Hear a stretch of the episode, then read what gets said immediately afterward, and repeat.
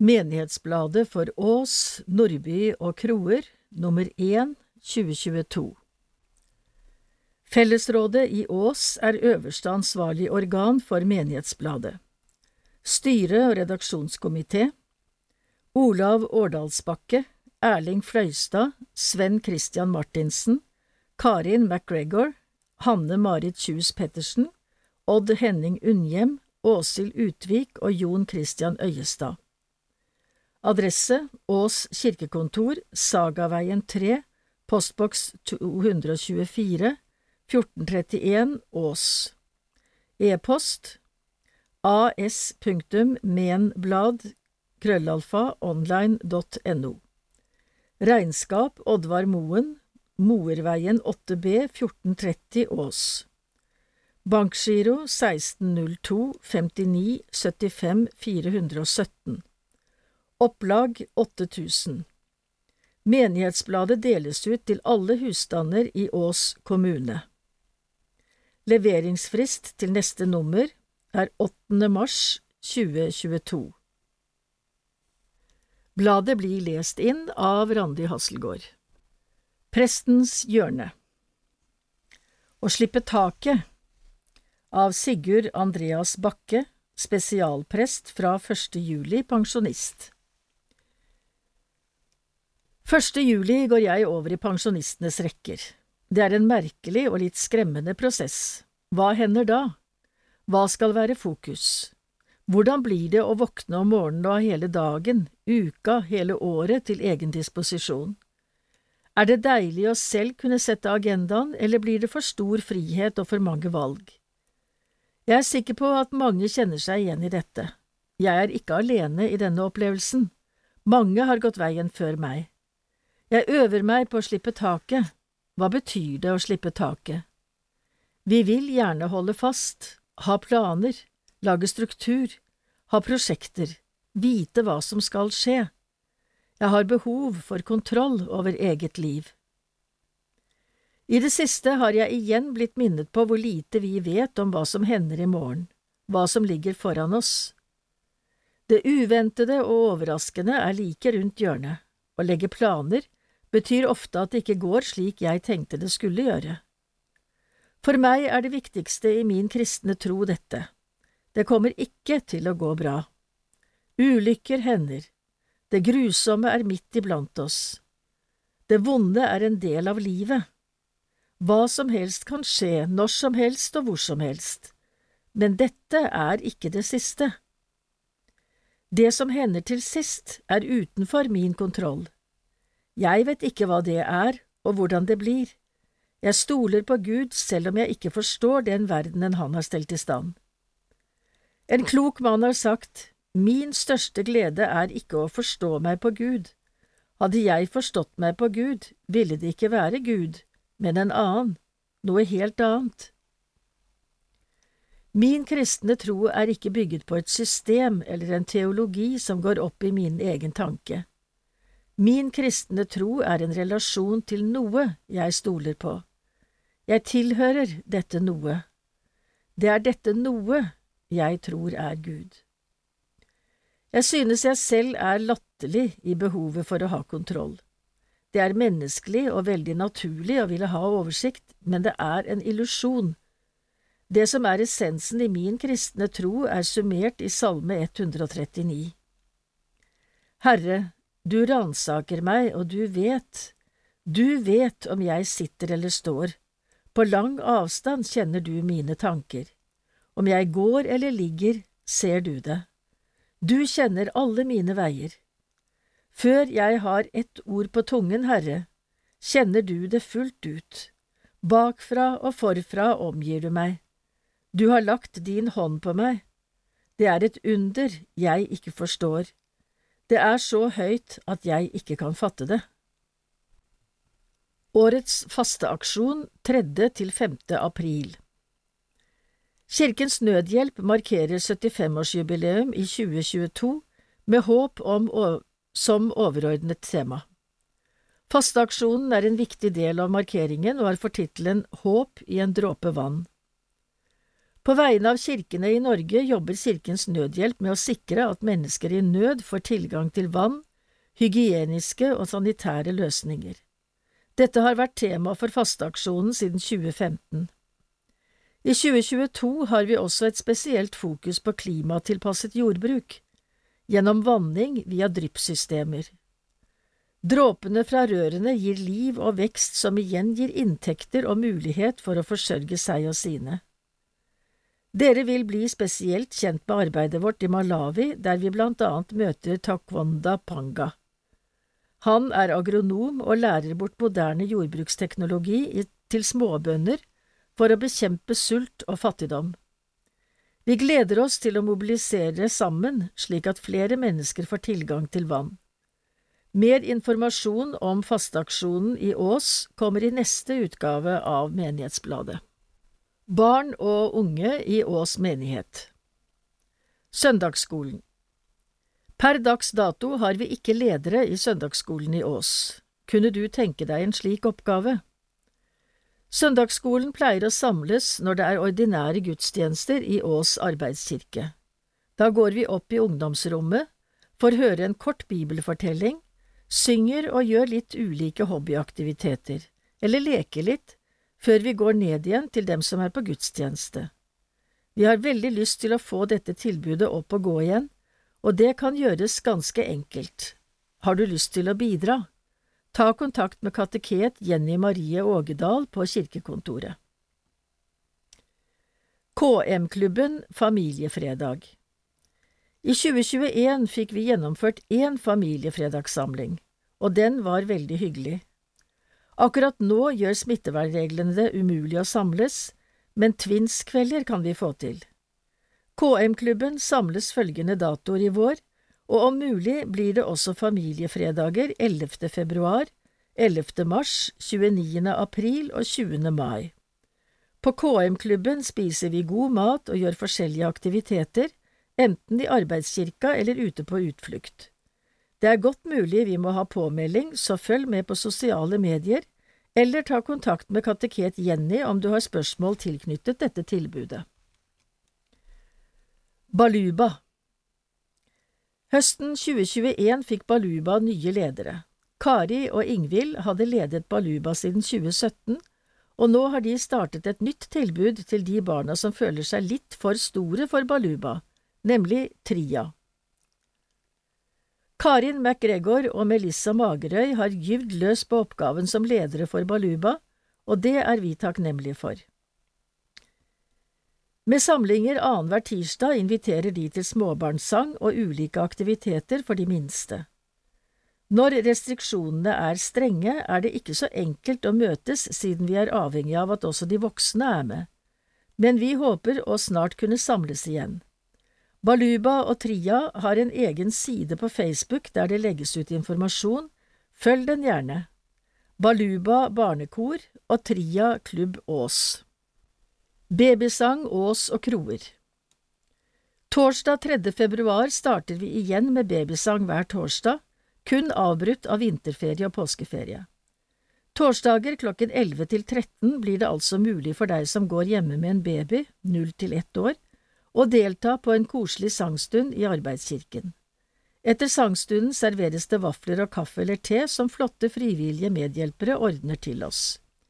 Vi må starte med antallsbegrensning, og dermed må dere fra gang til gang melde dere på til Jenny på telefon 920 99 102 innen onsdagen før. På babysang holder vi god avstand og bruker munnbind ved behov. Følg gjerne siden Babysang Ås og Kroer på Facebook, der legges det fortløpende ut informasjon. Seksårsklubb og påskevandring i mars–april er det skolestarterne sin tur, og vi gleder oss til å invitere til en helt førsteklasses klubb de to onsdagene før påskeuka og til påskevandring i Arbeidskirka Palmesøndag. Følg med i postkassa, det kommer invitasjon. Konsertmesse i Nordby kirke 20. mars Nordby menighet blir 200 år i 2026 og Nordby menighetsråd har tenkt å lade opp til feiringen med blant annet et helt nytt gudstjenestekonsept. Dette skal prøves ut på kveldstid på utvalgte søndager fremover. Ikke alle kan komme på gudstjeneste om formiddagen, og ikke alle føler at en preken er nødvendig. I konsertmessen den 20. mars vil vi for aller første gang prøve ut en kombinasjon av konsert og tekstlesing. Tanken er å la innholdet i gudstjenesten bæres oppe kun av musikken og bibeltekstene. I konsertmessen den 20. mars vil det bli fire avdelinger med musikkinnslag ved kantor Hans Dor Molvik, med inviterte musikalske gjester. Det vil også bli prostipremiere på tekstlesing med pianoimprovisasjon ved Molvik og Arve Fløystad Thorsen, som fremover vil være ansvarlig for en serie med slike konsertmesser. Serien skal gå helt frem til jubileet og kanskje etter om det blir populært. Ferdig program vil bli publisert i Ås Avis og Østlandets Blad en uke før begivenheten, men sett av tidspunktet vi satser på fullt hus. Glimt fra Nordby Lys i mørket November er en mørk måned. Da er det viktig å fokusere på lyset som kom til verden, og håpet som det skapte. 13 barn ble samlet den siste torsdagen i oktober, spiste deilig pizza, lekte, lagde lykter og deltok i refleksløp markert med glowsticks i kirken. Myldregudstjeneste Vi inviterte to- og treårsdåpsbarn til myldregudstjeneste 17. oktober. Det var en fin og tilpasset gudstjeneste med barna i fokus. Vi brukte enkle liturgiske elementer, fine og barnevennlige salmer, og Godly Play i formidlingen. 13 barn deltok i gudstjenesten og tok imot menighetens gave. 6. mars skal vi feire myldregudstjeneste med ettårsdåpsmarkering.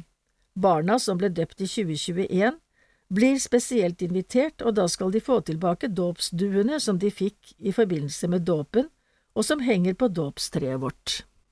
Krybbevandring for to barn i desember.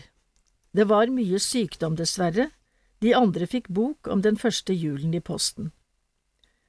Ungdomslederne Vi har fire fantastiske ungdomsledere som har vært konfirmanter og Milk Liv i Nordby menighet.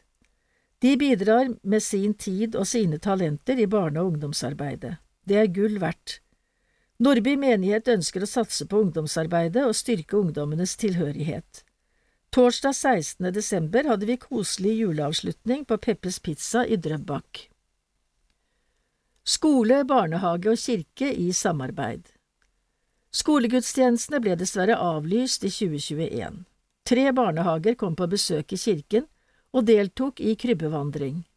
Sjøskogen, Løvstad og Pingvinen og vi besøkte tre store barnehager, Solberg, Nordby og Tamburbakken, med juleevangeliet. Konfirmanter Vi gjennomførte konfirmantsamtalene i november, og Nordby-konfirmantene ble presentert på lysmesse i Nordby kirke søndag 28. desember.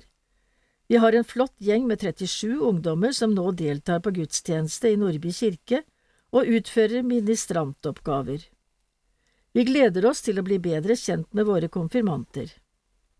U-sidene I skrivende stund har ting åpnet litt opp for barn og unge under 20 år, og det er vi i ungdomsarbeidet i Ås superglad for. Vi har begynt å møtes igjen innenfor de reglene som til enhver tid gjelder. Ungdomsarbeidet i Ås menighet består av to ulike enheter som driver med litt forskjellige ting. Alle ungdommer fra åttende klasse og oppover skal være velkomne hos oss. Har du lyst til å komme, men ikke har vært med før, ta gjerne kontakt med barne- og ungdomsprest Ingrid. Ungdomsarbeidet i Ås menighet består av D41 Åssomme og Krikk Ås. Nedenfor står det litt mer. D41 Åsome Ungdomsarbeidet D41 er tilknyttet KFK KFUM og samles i Ås arbeidskirke ca. annenhver fredag klokken 19 til 22. Her møtes ungdommen i alderen 13 til 20 år for å ha det gøy sammen. Programmet er variert og inneholder alt fra musikk og dans og drama til lek og kreative aktiviteter. Her er målet at de fleste skal finne noe de trives med. I løpet av kvelden har vi også en samling hvor vi tenner lys, leser en bibeltekst og får høre noen fortelle om, om sin tro. I D41 reiser vi også på turer og festivaler i regi av KFUK og KFUM. Du er hjertelig velkommen til å delta i fellesskapet. Datoene for vårens D41-kvelder 11. februar 5. mars Vinterfestival i Oslo NB en lørdag 18. mars årsmøte 1. april 22. april 6. mai 20. mai 3. juni og 10. juni KRIK Kristen idrettskontakt KRIK Ås er en forening for idrettsglad ungdom i alderen 13 til 19 år som ønsker å ha et kristent treffsted. Vi samles ca. annenhver søndag mellom klokken 19 og 20.45 i flerbrukshallen på Rustad skole. Aktivitetene er uhøytidelig idrettslek og balleaktiviteter. Vi drar også på turer og deltar på enkelte cuper. Kunne du tenke deg å få litt mosjon annenhver søndag i et godt fellesskap, velkommen til Krik. På grunn av plassbegrensninger fremover trenger vi at dere melder dere på. Ønsker du å komme? Meld deg på til ungdomsarbeider Martha på telefon 906 90 796. Datoene for våren er 13. februar, 27. februar, 6. mars, 20. mars, 27. mars, da er det skidag, 24. april, da er det volleyballcup og ungdomsgudstjeneste. 1. mai, 15. mai, 29. mai, trening, årsmøte og pizza. Og 12. juni. Fredag 10. juni planlegger vi en sommeravslutning og ungdomsgudstjeneste med både D41 og Krikk i Ås arbeidskirke. Siden ting er litt uvisst, tar vi selvfølgelig forbehold om at datoer og arrangement skissert ovenfor kan endre seg. For oppdateringer underveis om hva, hvor og når ting skjer, følg D41 og Krikk på sosiale medier. Instagram D41 og Zoome og Krikk Ås. Snap D41 og Zoome. Har du spørsmål angående ungdomsarbeidet i Ås og Kroer menigheter, ta kontakt med kapellan og barne- og ungdomsprest Ingrid Ulvestad Øygard, IO484, krøllalfa kirken.no. Takk til ungdomsarbeider Janne Birgitte. Da ungdommene var samlet til ungdommenes julegudstjeneste før jul, ble ungdomsarbeider Janne Birgitte Ueland takket av. Hun har vært ungdomsarbeider i Ås menighet i fire og et halvt år med hovedansvar for D41.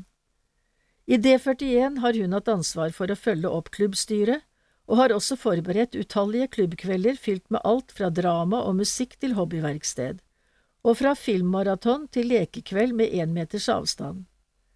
Ja, det siste har hun nærmest tatt en mastergrad i, å legge til rette for at ungdom skal kunne møtes til tross for koronarestriksjoner. Det er mye man kan finne på i hver sin boks på parkeringsplassen, for eksempel.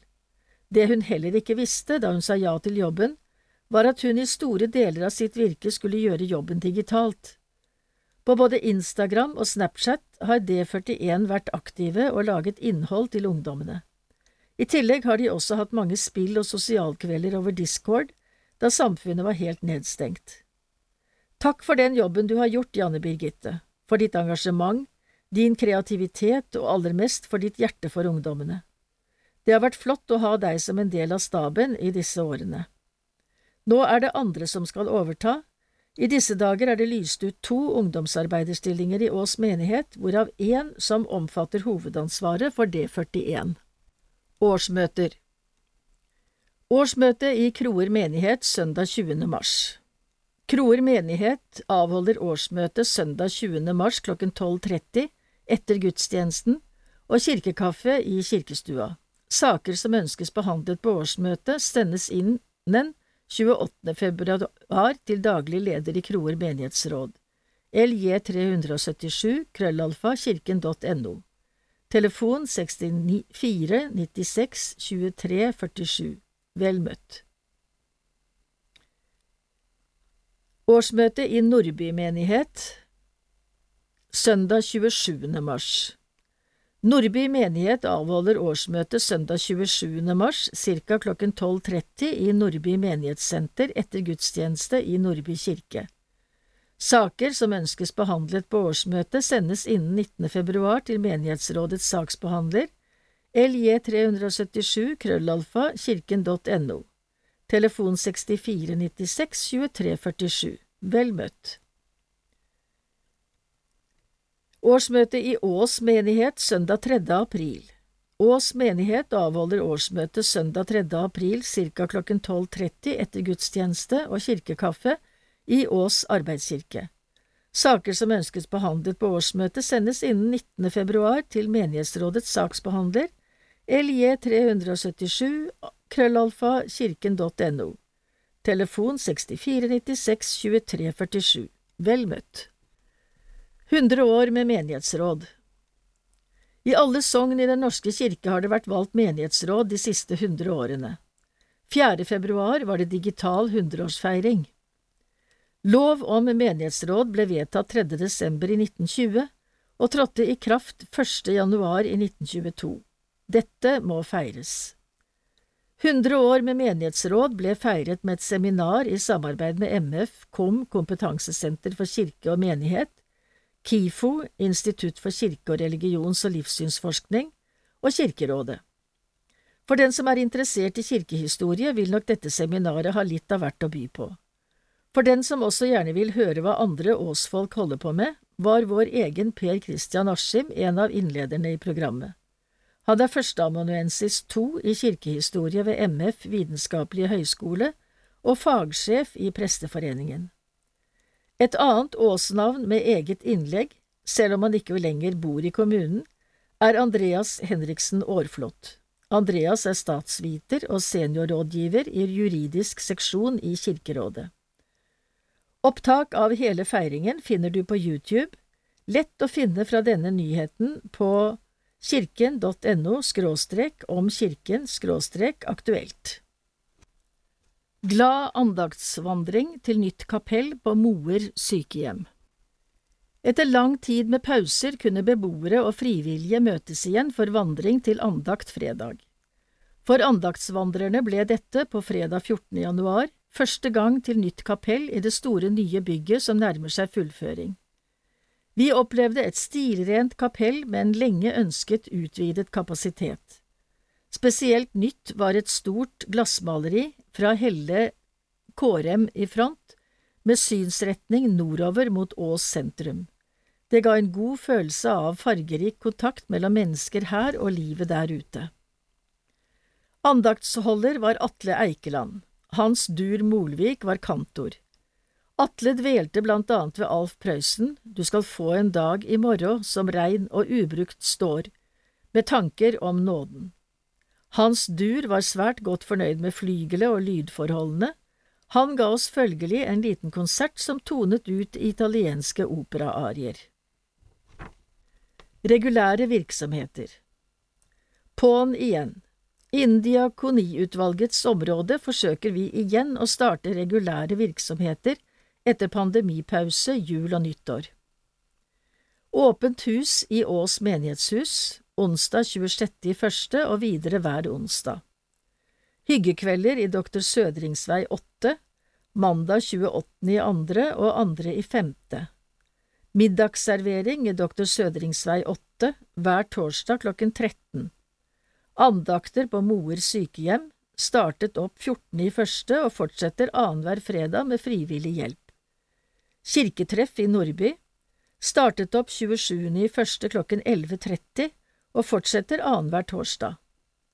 Tro og lys, hvis mulig andre, tolvte i andre i Arbeidskirken i Ås. Frivillighetens år er også folkekirkens år. Kirken og organisasjonene er blant de beste på frivillighet. La oss bruke frivillighetens år 2022 på å synliggjøre dette, og få mange flere med på å gjøre en innsats for andre. Frivillig arbeid er veldig mye forskjellig på veldig mange ulike sektorer. Mye av arbeidet som gjøres i kirken og de kristne organisasjonene, ivaretas av folk som ikke får betalt for innsatsen i kroner og øre. Noen er søndagsskoleledere i 40 år, andre stiller opp med minibuss til og fra konfirmasjonsleir det året ens eget barn er med. Det finnes et vell av små og store oppgaver som løses av folk på frivillig basis, og som gjør folkekirken og det store mangfoldet av organisasjoner til brede, folkelige bevegelser. Frivillighetens år 2022 er forankret i frivillighetsmeldingen fra 2018 og tar mål av seg til å feire Norges viktigste lagarbeid. Det som skjer i kirken og i organisasjonene utgjør en viktig del av dette. I Den norske kirke er det om lag ti ganger så mange frivillige som ansatte, ikke i antall årsverk, men i antall involverte personer. En kirke uten frivillighet er utenkelig, det er en kirke med lavt engasjement. Forholdet mellom ansatte og frivillige baserer seg ikke på over- og underordning, men på gjensidighet og samarbeid.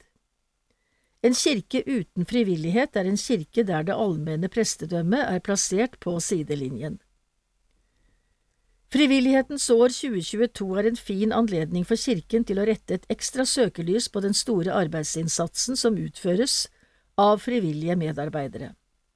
Den seneste årsrapporten for Den norske kirke forteller riktignok at antall frivillige falt fra 95 000 i 2019 til 75 000 i 2020, mye på grunn av koronapandemien. Oppslutningen sier likevel mye om hvor sterkt frivillig arbeid står i kirken, og hvor viktige de frivillige er for at kirken skal kunne løse sitt oppdrag. Vi håper at 2022 blir året der mange finner tilbake til tidligere frivillig tjeneste, også i kirkelig regi, og også at mange flere kan oppdage Den norske kirke som en naturlig arena for eget sosialt og kirkelig engasjement. Med mer enn 3,6 millioner medlemmer har Den norske kirke som folkekirke et stort potensial til å kunne utgjøre en forskjell i alle landets lokalsamfunn. Barnas Vitser Jeg vil kjøpe en hatt. Vet du hvilken størrelse du bruker? Nei, men jeg tok med hodet for sikkerhets skyld. En mann kom inn på en bensinstasjon og spurte dama bak disken. Har du en sånn bustete og morsom liten figur som jeg kan henge på speilet inne i bilen? Dama ropte til mannen sin inne på verkstedet. Lars, det er noen her som vil kjøpe deg. Ny sogneprest Tom Egil Nordengen Redaksjonen har hatt sitt første møte med vår nye sogneprest, og det var en hyggelig og morsom opplevelse. Tom Egil Nordengen kommer fra Vartei, et lite sted nord i Sarpsborg som han fremdeles regnes som hjem. Vi får en oppsummering av berømthetene fra Vartei. I tillegg til Tom Egil er de siste to som er verdt å nevne Inga, mor til Håkon Håkonsson, og Kari Bratseth Dale, en dyktig håndballspiller på landslaget. I dag har Tom Egil rundet 47 år, og han har tre barn i alderen 13, 15 og 17 år, og bosatt på Sigerud. Han drev ikke med sport som ung, men i voksen alder er han blitt glad i å løpe. For å holde seg i form tar han et par turer i uka, med og uten pigger. Unge Tom Egil hadde et bredt spekter av interesser å spille på. Blant annet gikk han musikklinja på Greåker videregående skole for å bli trommeslager, et felt han etter hvert oppdaget var noe for smalt. Mot slutten av intervjuet kom det frem at han har en aldri så liten motorinteresse, med sertifikater for det meste, bussjåførjobb i studietiden og en liten karriere som råner eller ragger light med Volvo 240 og terninger i vinduet, og den dag i dag en forkjærlighet for fjernsynsprogram med motorinnhold. Det slår redaksjonen at vi muligens kan fortsette tradisjonen med menighetsturer med egen bussjåfør. Da trommeslagertanken ble lagt til side, ble det lærerskole med kristendomsfordypning i stedet. Heller ikke nå var han helt sikker på at han var kommet i mål, og ferden gikk derfra til Menighetsfakultetet og teologistudier. Fikk han et kall? Uansett, prestetanken vokste gjennom studiet, og han ble etter hvert sikker på at det var prest han skulle bli når han ble stor. I desember 2004 ble han ordinert til prest av biskop Ole Christian Kvarme. Jobb på Dønna i Nordland var alt i boks. Med en liten sønn på syv måneder reiste familien nordover, og en datter kom til underveis i oppholdet. Sognet var på tre øyer som kun var forbundet med ferger, og han oppdaget at han heldigvis var sjøsterk. I 2007 gikk turen sørover igjen, til Sigerud for å bli sogneprest der. Kjekt å komme nærmere hjemtraktene og familie, spesielt når tredjemann meldte sin ankomst ikke lenge etter. Tom Egil forteller at han liker å jobbe med barn og ungdom, og det er tydelig at han er omgjengelig og lett å komme i kontakt med. Det var viktig for ham å få til noe bra på en liten plass som Siggerud, og bidra til å ta vare på bygdekulturen. Han jobbet særlig for at de frivillige skulle ha det fint. Med årene kom endringer, og i 2020 ble han også sogneprest i Langhus. I tillegg er Tom Egil Nordengen stiftsstyreleder i Presteforeningen i Borg. Hva vet du om kommunen Ås, og hvilke forventninger har du? Jeg er ikke mye kjent i Ås, må vår nye sogneprest innrømme. Tre hovedreferansepunkt i kommunen er Vinterbrosenteret, Softiskiosken på Nesset og NMBU. Derfor gleder han seg til å bli bedre kjent med både innbyggere og stedet. Det ser ut til at det blir rikelig med anledninger. Kalenderen fylles fort opp av treffpunkt som vil ha en bli kjent-runde. Blant annet åpent hus og hyggekveld i omsorgsboligene i Dr. Søderings vei. Tom Egil nevner selv problemstillingen at han som prest ikke skal bo her. Grunnoppgavene er de samme, men han er klar over at han kan miste noe av den hverdagslige kontakten med folk, gjennom treff på gata, i butikken og gjennom skole og lignende. Han legger til at det å være prest er både et kall og en livsstil, men også et yrke. Han ønsker å jobbe for å være tilgjengelig for folk der de behøver det, gjerne også hjemme hos dem. Tilgjengeligheten er en stor del av hverdagen han har savnet gjennom nedstengningene, selv om det også har bydd på nye muligheter. Én ting har han satt stor pris på de siste par årene, er dåpsseremonier, hvor det ble god kontakt med dåpsfamiliene. Han har fått med seg at det er sang- og musikkglade folk her, og det liker han. Han er selv vokst opp i både kirke- og bedehusmiljø med mye sang og musikk. Selv om de profesjonelle trommestikkene ble lagt på hylla, sitter han gjerne ved pianoet og synger til husbruk. Sangstemmen fikk han demonstrert under innsettelsesgudstjenesten sin den 30. januar i Ås kirke. Det lover bra. Sognepresten forteller at barna spiller i korps, hvor han også deltar på skarptromme ved behov, og at han ved tidligere 17. mai-feiringer først har marsjert med korpset, for deretter å ha gått opp og holdt appell ved kirka som prest, og deretter marsjert videre som korpsmedlem. Hurra! Hvordan har du brukt koronatiden? Tom Egil hadde som mange av oss en bratt digital læringskurve. I menighetssammenheng har det blitt en god del videoinnspilling og redigering, jobb på Teams osv. Ellers har han savnet kontakt både faglig og sosialt med kolleger og andre. Det gleder han seg til å få mer av fremover, både med tanke på staben og de tre menighetsrådene. Hva kjennetegner gudstjenestene dine? Som prest vil Tom Egil det skal være mulig for alle å komme til kirken og sitte igjen med noe nyttig. Gud er mer enn en forsikringsagent, og kirken er en betydelig samfunnsaktør, et utsagn i løpet av intervjuet. Det må være lav terskel og høyt under taket i kirkene og på forsamlingssteder, slik at alle tas godt imot og tas på alvor. Han forsøker å bruke dagsaktuelle temaer i gudstjenestene for å formidle budskapet. Når han forbereder en preken, tenker han på hvem han skal tale for, siden tro og det å få svar på livets store spørsmål er viktig. Han erfarer også at de store spørsmålene endrer seg gjennom livet, så det å holde gudstjenester for alle er en aldri så liten kunst. Hva gjør du når du kan slappe av, hvilke interesser har du? Tom Egil sier han gjerne går til bøker i ledige stunder. Han er ferdig med krimsjangeren, men fordyper seg gjerne i andre verdenskrig og ellers i et bredt spekter av romaner. Akkurat nå har han Lars Mytting på nattbordet. Om det er tid til fjernsyn, er det som tidligere nevnt motor- og bilprogram på hurtigvalgstastene. Noe du har regnet med å få spørsmål om? Ja, det måtte jo være etternavnet mitt, om jeg er i slekt med gamle ordfører Albert Nordengen i Oslo. Ja, det er jeg ikke, og dermed heller ikke i slekt med hans sønn, prest og forfatter Per Anders. En som spurte om dette en gang, sa da ja ja, du kan jo være en grei kar likevel. Det kan vi allerede si, og at vi er heldige som har fått Tom Egil Nordengen som ny sogneprest til Ås, Nordby og Kroer menigheter.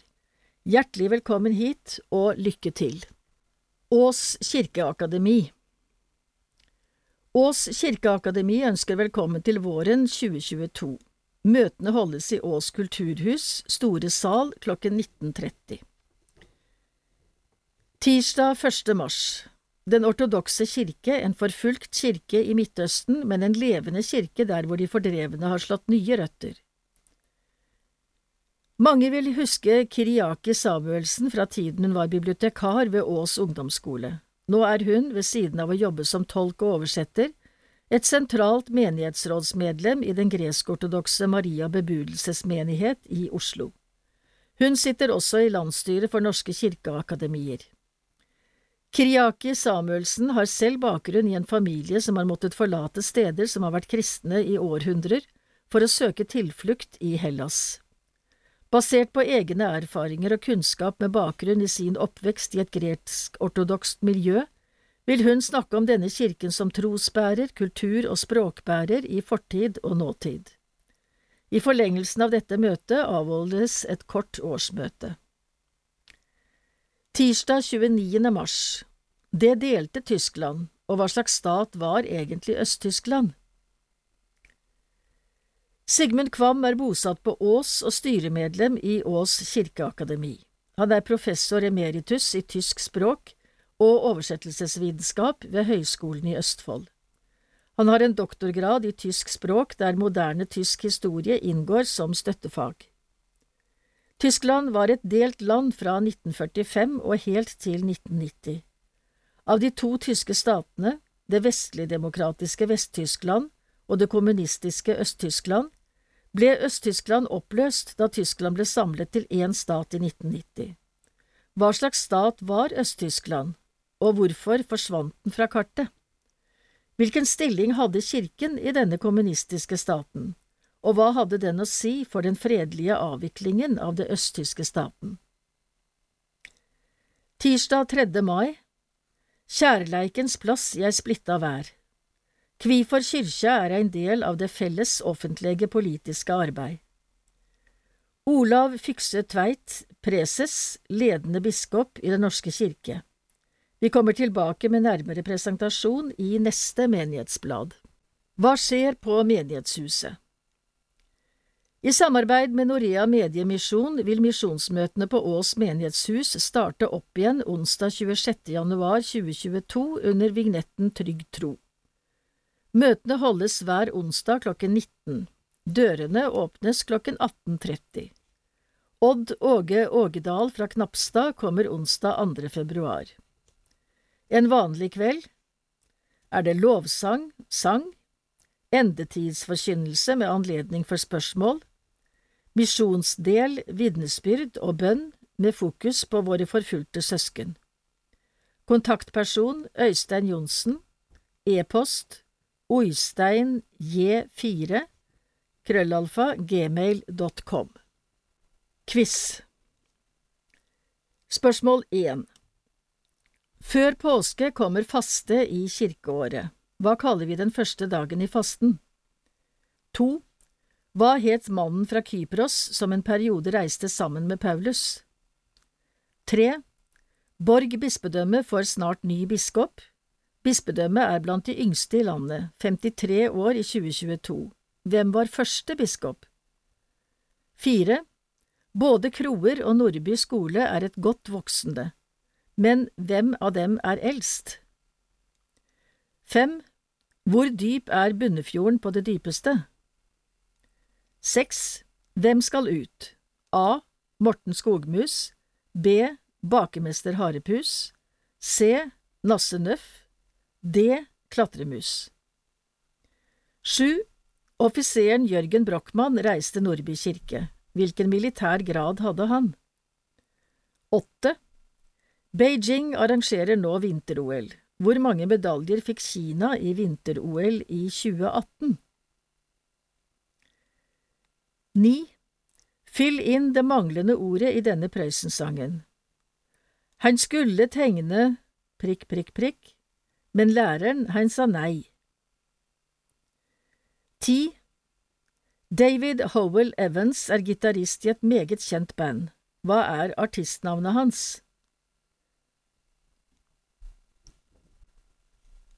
Fasiten til quizen 1. Askeonsdag 2.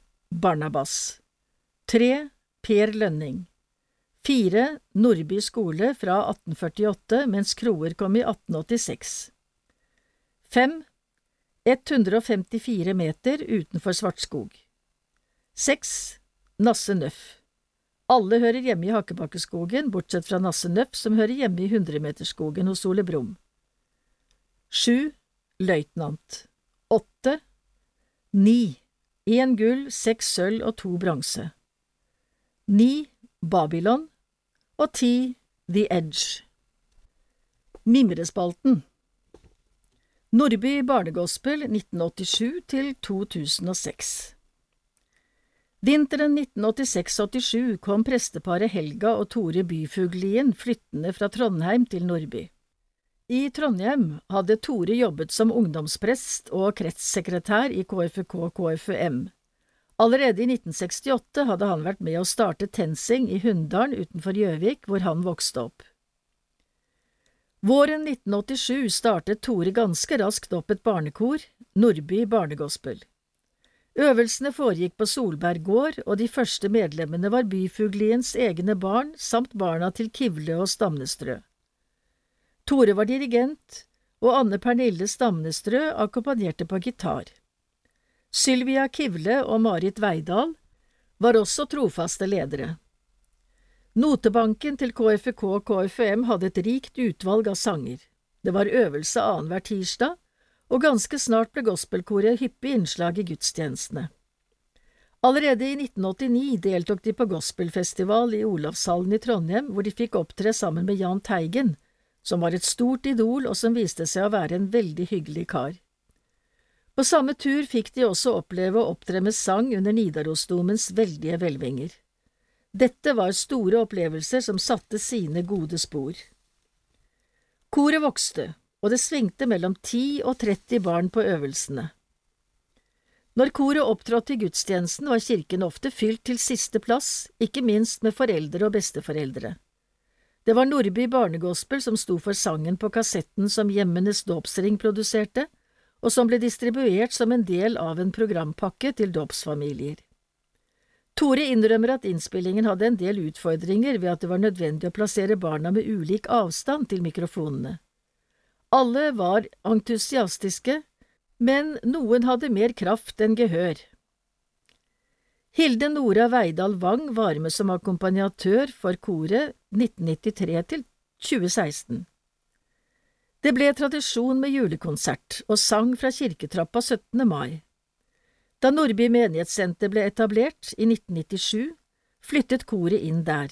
Da ble det også startet en snekkergruppe som møttes samtidig med koret, men noen av snekkerne ville gjerne være med i koret når det skulle opptre. Koret var på mange turer og leire, noen som ga ekstra opplevelser og tilhørighet.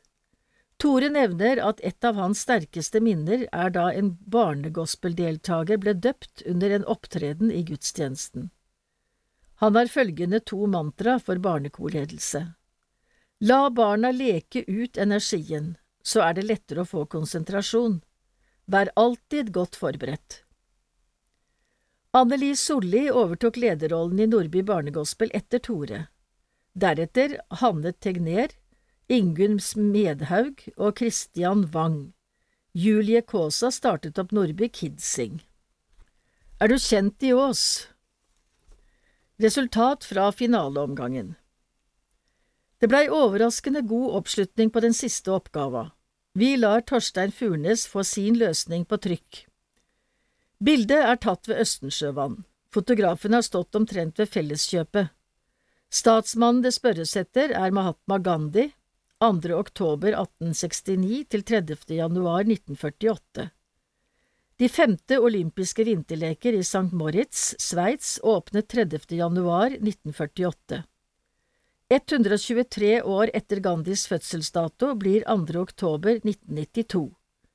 2. oktober 1992 ble Østensjøvann naturreservat opprettet ved kongelig resolusjon, og sitatet Alt har sin tid er hentet fra Forkynneren 3.1. Til sist skriver han, Det er litt vemodig at denne spalten blir lagt ned, jeg har hatt tro, stor glede av å løse disse oppgavene i alle disse årene. Torstein må dele pallplassen med Birgit og Jan Erik Olsen, Åse og Hans Olav Moen, Odd og Gro Mette Rønningen, Norvald Foss, Arild Stavne og Jan Ove Holmen. Birgit og Jan Erik Olsen kan opplyse at huset på bildet er pumpehuset til vanningsanlegget til Holstad gård. Det blei ifølge Eilert Hobøl, 87 år oppvokst på Hauger, bygget midt på 40-tallet og er fortsatt i bruk. Til slutt leser vi Trist at fotooppgavene slutter, de har vært høydere. En takksigelse har det også kommet fra Åse og Hans Olav Moen. Vi takker for svært hyggelige stunder med Er du kjent i Ås-spalten i et glimrende menighetsblad. Selv om prikken over i-en, nemlig å bli kjent-spalten, må fases ut, vil vi fortsatt kose oss over gode, tankevekkende artikler og innlegg, intervjuer og annet stoff og relevant informasjon. Takk til alle, både frivillige og profesjonelle, som gjør dette mulig. Menighetsbladet trenger flere bladbud. Menighetsbladet for Ås, Nordby og Kroer kommer ut seks ganger i året og deles ut til alle husstander i kommunen av frivillige bud. Nå mangler vi noen bud til ruter i Nordby. Det gjelder Fålesloåsen, øvre del av Sjøskogen, østsiden av Sjøskogveien, Veidemannsveien og Grimsrud, og ei rute på Nesset terrasse, samt i nedre del av Askehaugveien, fra Toveien. I Ås har vi en ledig rute i Kvestadveien, Smebølveien. Hvis du ønsker å hjelpe oss med utdelingen, så ta kontakt med Olav Årdalsbakke på oaardals.krøllalfa.online.no. Grønn spalte 1,5-gradersmålet ryker det. Mye visdom i gamle ordtak. For ti år siden visste vi ikke hvor kritisk situasjonen for vårt klima skulle bli. De fleste trodde at økende CO2-innhold i atmosfæren enten ikke betød noe, eller ville gå over av seg selv og sa sånn er det bare. Bare Bellona og en del såkalte dommedagsprofeter trodde på en truende miljøkrise. I dag vet vi mer.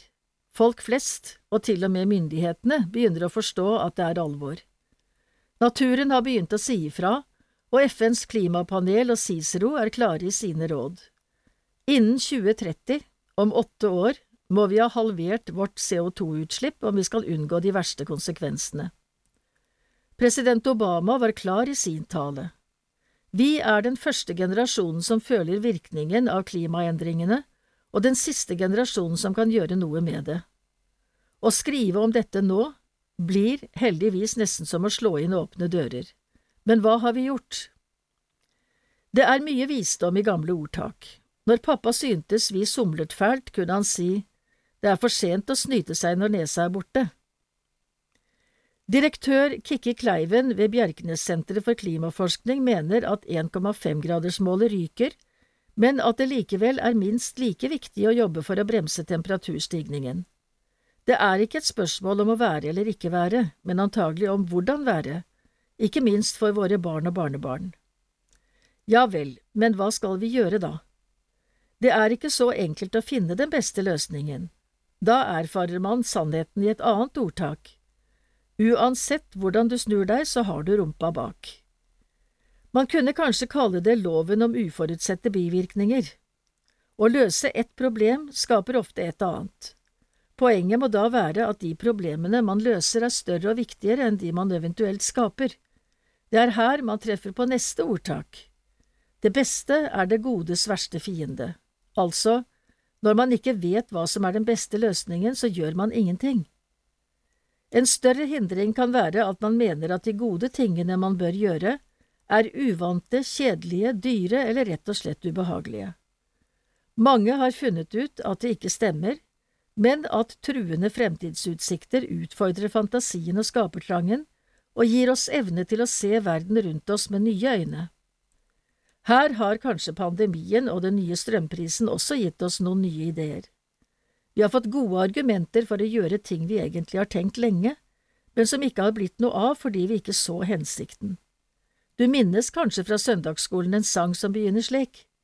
Gjør det lille du kan, der hvor Gud har deg satt, stå ei ledig mens dagene flyr. Lina Sandell hadde ingen kjent klimatrussel hengende over hodet i 1885. Hennes anliggende var å spre det glade budskap.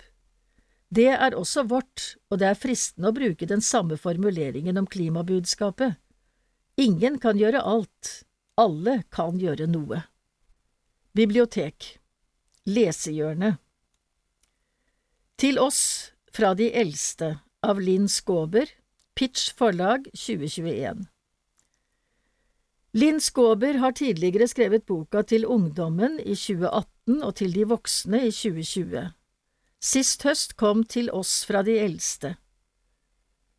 Gjennom alle disse bøkene ser vi hvilken enorm interesse og forståelse Skåber har for mennesker rundt seg. Hun har intervjuet og snakket med folk i alle aldre. Ut ifra dette har hun skrevet små historier. Historiene kan være morsomme, vemodige, glade, tankevekkende, såre. I denne siste boka møter vi for eksempel Bergljot, ei furie av ei svigermor. Vi møter Elise, ei pertentlig og velduftende dame som plutselig oppdager at hun hele livet har vært usynlig. Fra den ene dagen til den andre endrer hun stil og atferd som gjør at alle må legge merke til henne. Her har vi Ahmed, som er hjemmesykepleier, og Halvorsen, som er pleiepasient, som begge er rasende. I en av historiene sitter det en mann som har mange kompiser å prate med, men savner det feminine i en samtale, mens det et annet sted sitter ei dame med mange venninner, men som savner det maskuline i praten. Tenk om disse hadde visst om hverandre. Her har vi de som tror på fremtida, og alt nytt, de som savner noe, de som gjør det beste ut av enhver situasjon. Vi får mange små glimt av minner fra krigen, små artige visdomsord tenkt ut av de eldre, og mye, mye mer. Og vi må absolutt ikke glemme illustrasjonene til Lisa Aisato. De er mange og spekket med fantasi og detaljer som passer perfekt til historiene. Ved å se på dem kan man fint lage seg sine egne fortellinger også. Denne boka er så god at den bør leses langsomt. Den har 24 kapitler og kan jo derfor for eksempel leses som en adventsbok. Det greide ikke jeg.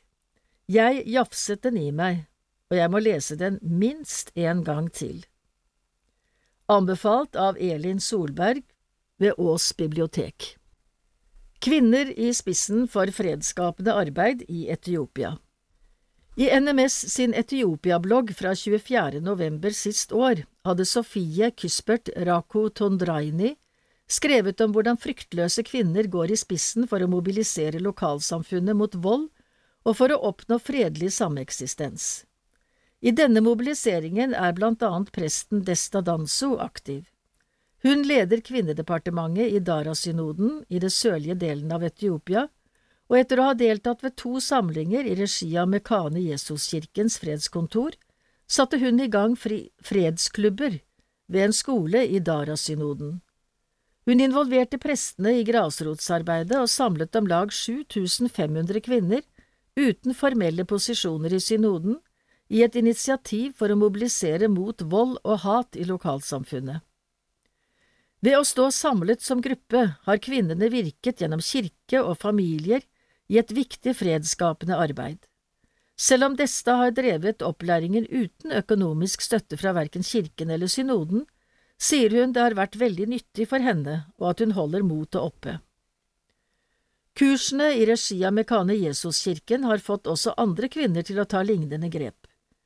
Mrs. Hana arbeider ved et statlig kontor i Adola-synoden, men gjennom sitt frivillige virke som kvinnesekretær i Vadera menighet har hun også engasjert seg i lignende initiativ.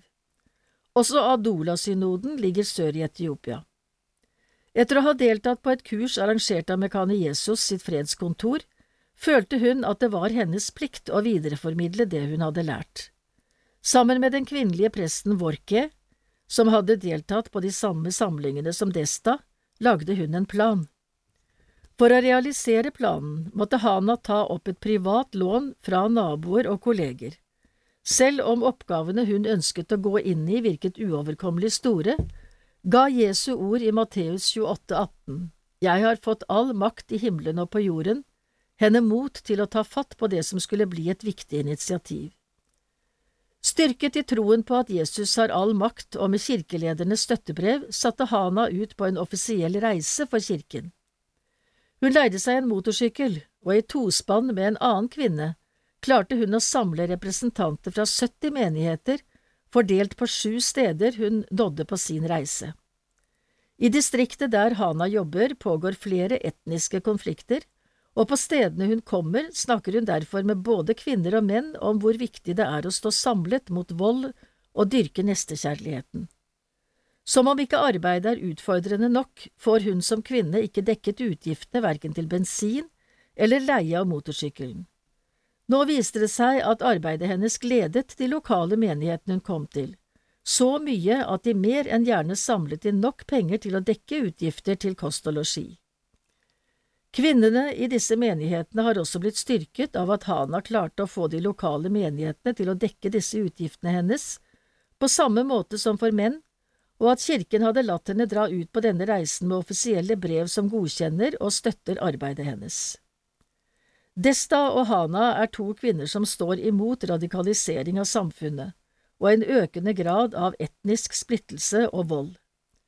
Vi ber for fred i Etiopia, at færre mennesker vil la seg mobilisere for konflikt, og at flere vil jobbe aktivt for fred og forsoning, slik som Desta og Hana gjør. Minneord om Betty Halvorsen Betty Halvorsen ble født 14. april i 1924 og sovnet stille inn søndag 7. november 2021, 97 år gammel. Med Betty er et eiegodt menneske gått bort, et menneske som alltid tenkte på andre rundt seg først. Hun var arbeidsglad og aktiv på mange områder, politisk bevisst med deltakelse i Ås Aps kvinneforening og krisesenteret og i Åslunds Venner. Betty var med på stiftelsen av Venneforeningen på Åslund i 1978 og deltok aktivt der, også etter at sykehjemmet ble flyttet til Moer og Morhjemmets venner ble etablert i 2008. På Åslund gjorde Betty en kjempeinnsats ved å drive kiosken i foajeen fra 1994. Ved hjelp av mannen sin og frivillige medlemmer av venneforeningen ble kiosken holdt åpen to ganger i uken. Betty var kjent med alle beboerne og stilte opp når noen trengte råd og hjelp. Særlig overfor mennesker som tilhørte de svakere blant oss og som ikke hadde familie, stilte hun ekstra opp. Alle hun kjente fikk sitt årlige bursdagskort på sin dag og julekort. For sin innsats på flere områder ble hun hedret med Frivilligprisen, selv om hun var beskjeden og ikke ønsket oppmerksomhet om egen person. Betty var med å starte følgetjeneste til fredagsandaktene på sykehjemmet, prest Sigurd Bakke så behovet, og Betty satte i gang etter hvert med flere hjelpere. Denne tjenesten er det diakoniutvalget som har ansvaret for i dag. Etter at hun fylte 95 år, ble helsen hennes gradvis dårligere, og hun tilbrakte de siste årene på Moer sykehjem. Vi er mange som savner Betty og lyser fred over hennes gode minne. Kirsten Molteberg og Gro Mette Rønningen Betty Halvorsen døde i en alder av 97 år, og vi som bor i Ås har mistet den nestekjærlighetens medmenneske.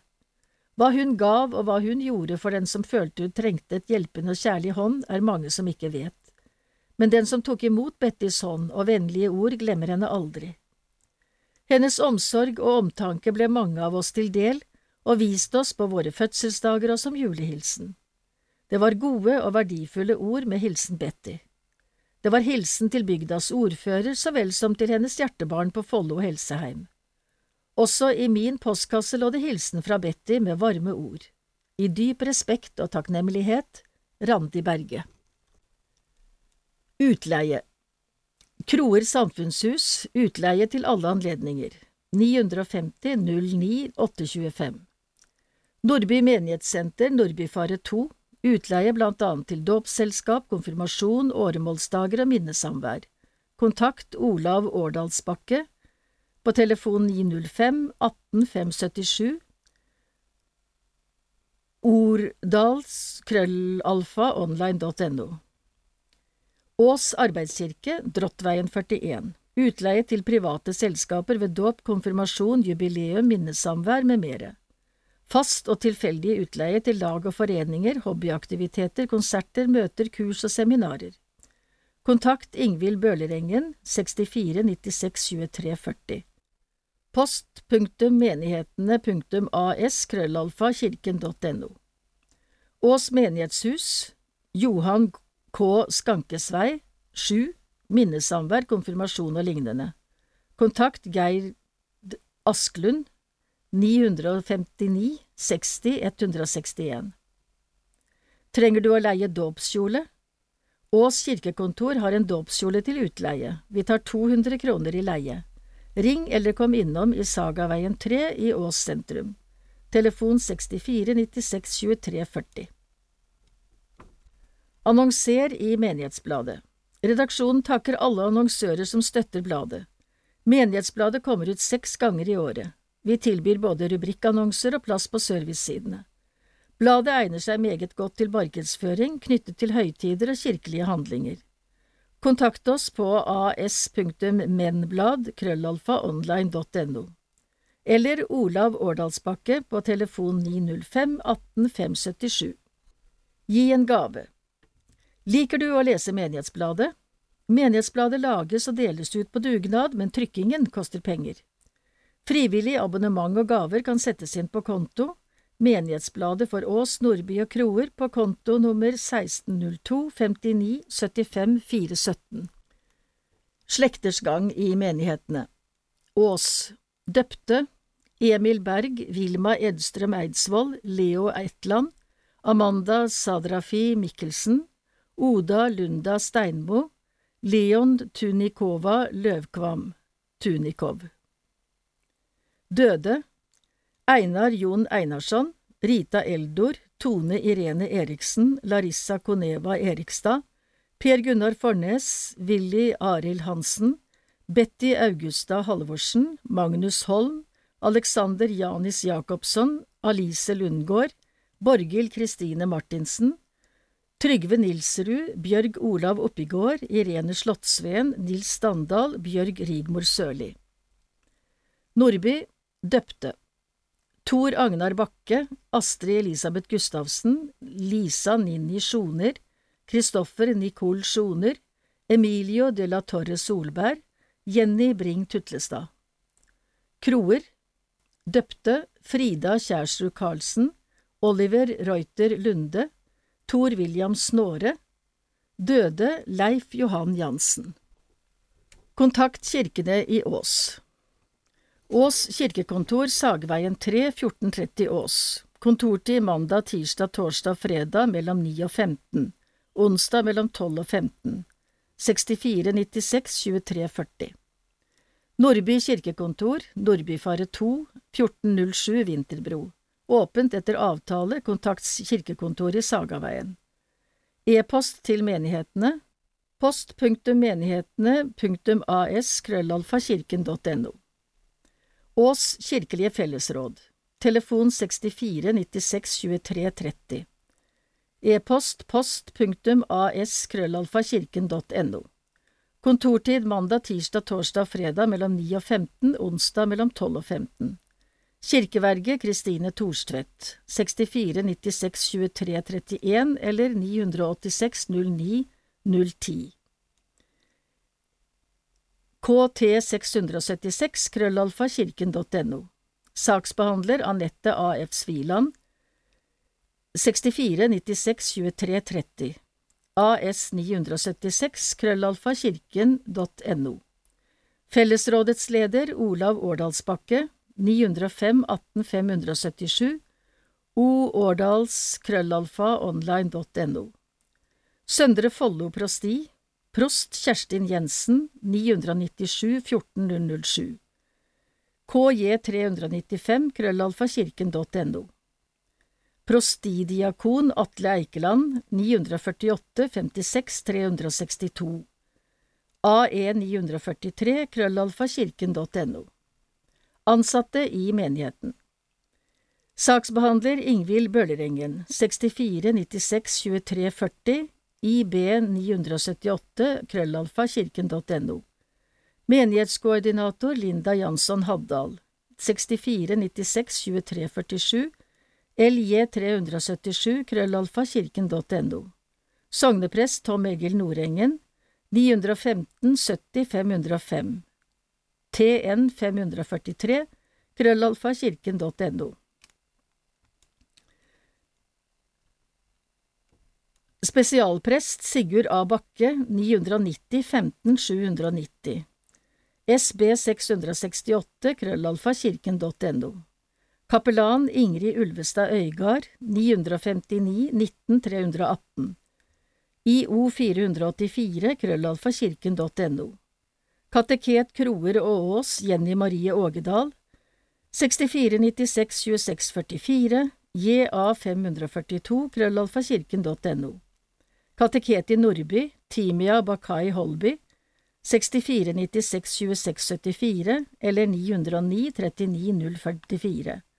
TH 934 krøllalfakirken.no Kantor Jostein Grorli, 412 8705 JG 297 krøllalfakirken.no Kantor Hans Dur Molvik, 995 51 757 hm685 krøllalfakirken.no Kantor Anne Kristine Pittet Groli 481 99 812 AG 422 krøllalfakirken.no Kirketjener i Ås Kristine Ramstad, kirketjener i Kroer Daniel Veding, kirketjenerkontakt Nordby Olav Årdalsbakke. Ansatte kirkegårdsdriften Driftsleder Anton Pascual Solberg. AS 579 krøllalfa kirken.no Studentpresttjenesten. Ingrid Ulvestad Øygard 959 19318 IO 484 krøllalfa kirken.no Sigurd A. Bakke. 67 23 01 39 Sigurd punktum a punktum bakke krøllalfa nmbu punktum no. Menighetsrådene. Kroer. Menighetsrådsleder Gro Elin Vinnes Tuturen. 959 30 880 Gro punktum Elin krøllalfa tuturen.nett Nordby. Menighetsrådsleder Torbjørg Refsnes Jørgensen. 947 650 Torbjørg rj.krøllalfa.gmail.com Ås, menighetsrådsleder, Knut Olav Moen, 975 28 901 Knut Kom krøllalfa hotmail.com Ås kirke, Kirkeveien 35 Ås. Kroer kirke, Holtveien 1 Ås. Nordby kirke, Nordbyfare 1 Vinterbro. Utleie av kirkene, Fellesrådet 64 96 23 30 E-post post.as krøllalfa kirken.no Ås arbeidskirke, Drottveien 41 1434 Ås. Utleie Kirkekontoret 64 96 23 40 Post.menighetene.as krøllalfa kirken.no Nordby menighetssenter, Nordbyfare 2 1407 Vinterbro Utleie Olav Årdalsbakke 905 18 577 O. Årdals krøllalfa online.no Velkommen til kirken. 20. mars, tredje søndag i fastetiden. Lukas 22, versene 28–34 Jeg ba for deg. Kroerkirke klokken 11, gudstjeneste med årsmøte. Nordbykirke klokken 18, konsertmesse Åskirke klokken 11 gudstjeneste 27. mars Maria budskapsdag Lukas kapittel 1 versene 39 til 45 Maria og Elisabeth Nordby kirke klokken 11 gudstjeneste med årsmøte Åskirke klokken 11 gudstjeneste 3. april, fjerde søndag i fastetiden Johannes kapittel 6 versene 24 til 36 Jeg er livets brød Kroer kirke klokken 18 gudstjeneste, Nordby kirke klokken 11 gudstjeneste og Ås arbeidskirke klokken 11 gudstjeneste med årsmøte. 10. april, palmesøndag, Johannes kapittel 12 versene 1 til 13, salving og inntog. Nordby kirke klokken 11 gudstjeneste, Ås arbeidskirke klokken 11 gudstjeneste med påskevandring. Digital kirke Følg med på nettsiden kirken.no as og Facebook-siden krøllalfa Kroer Nordby AS menigheter for oppdaterte oversikter og nye gudstjenester på nett.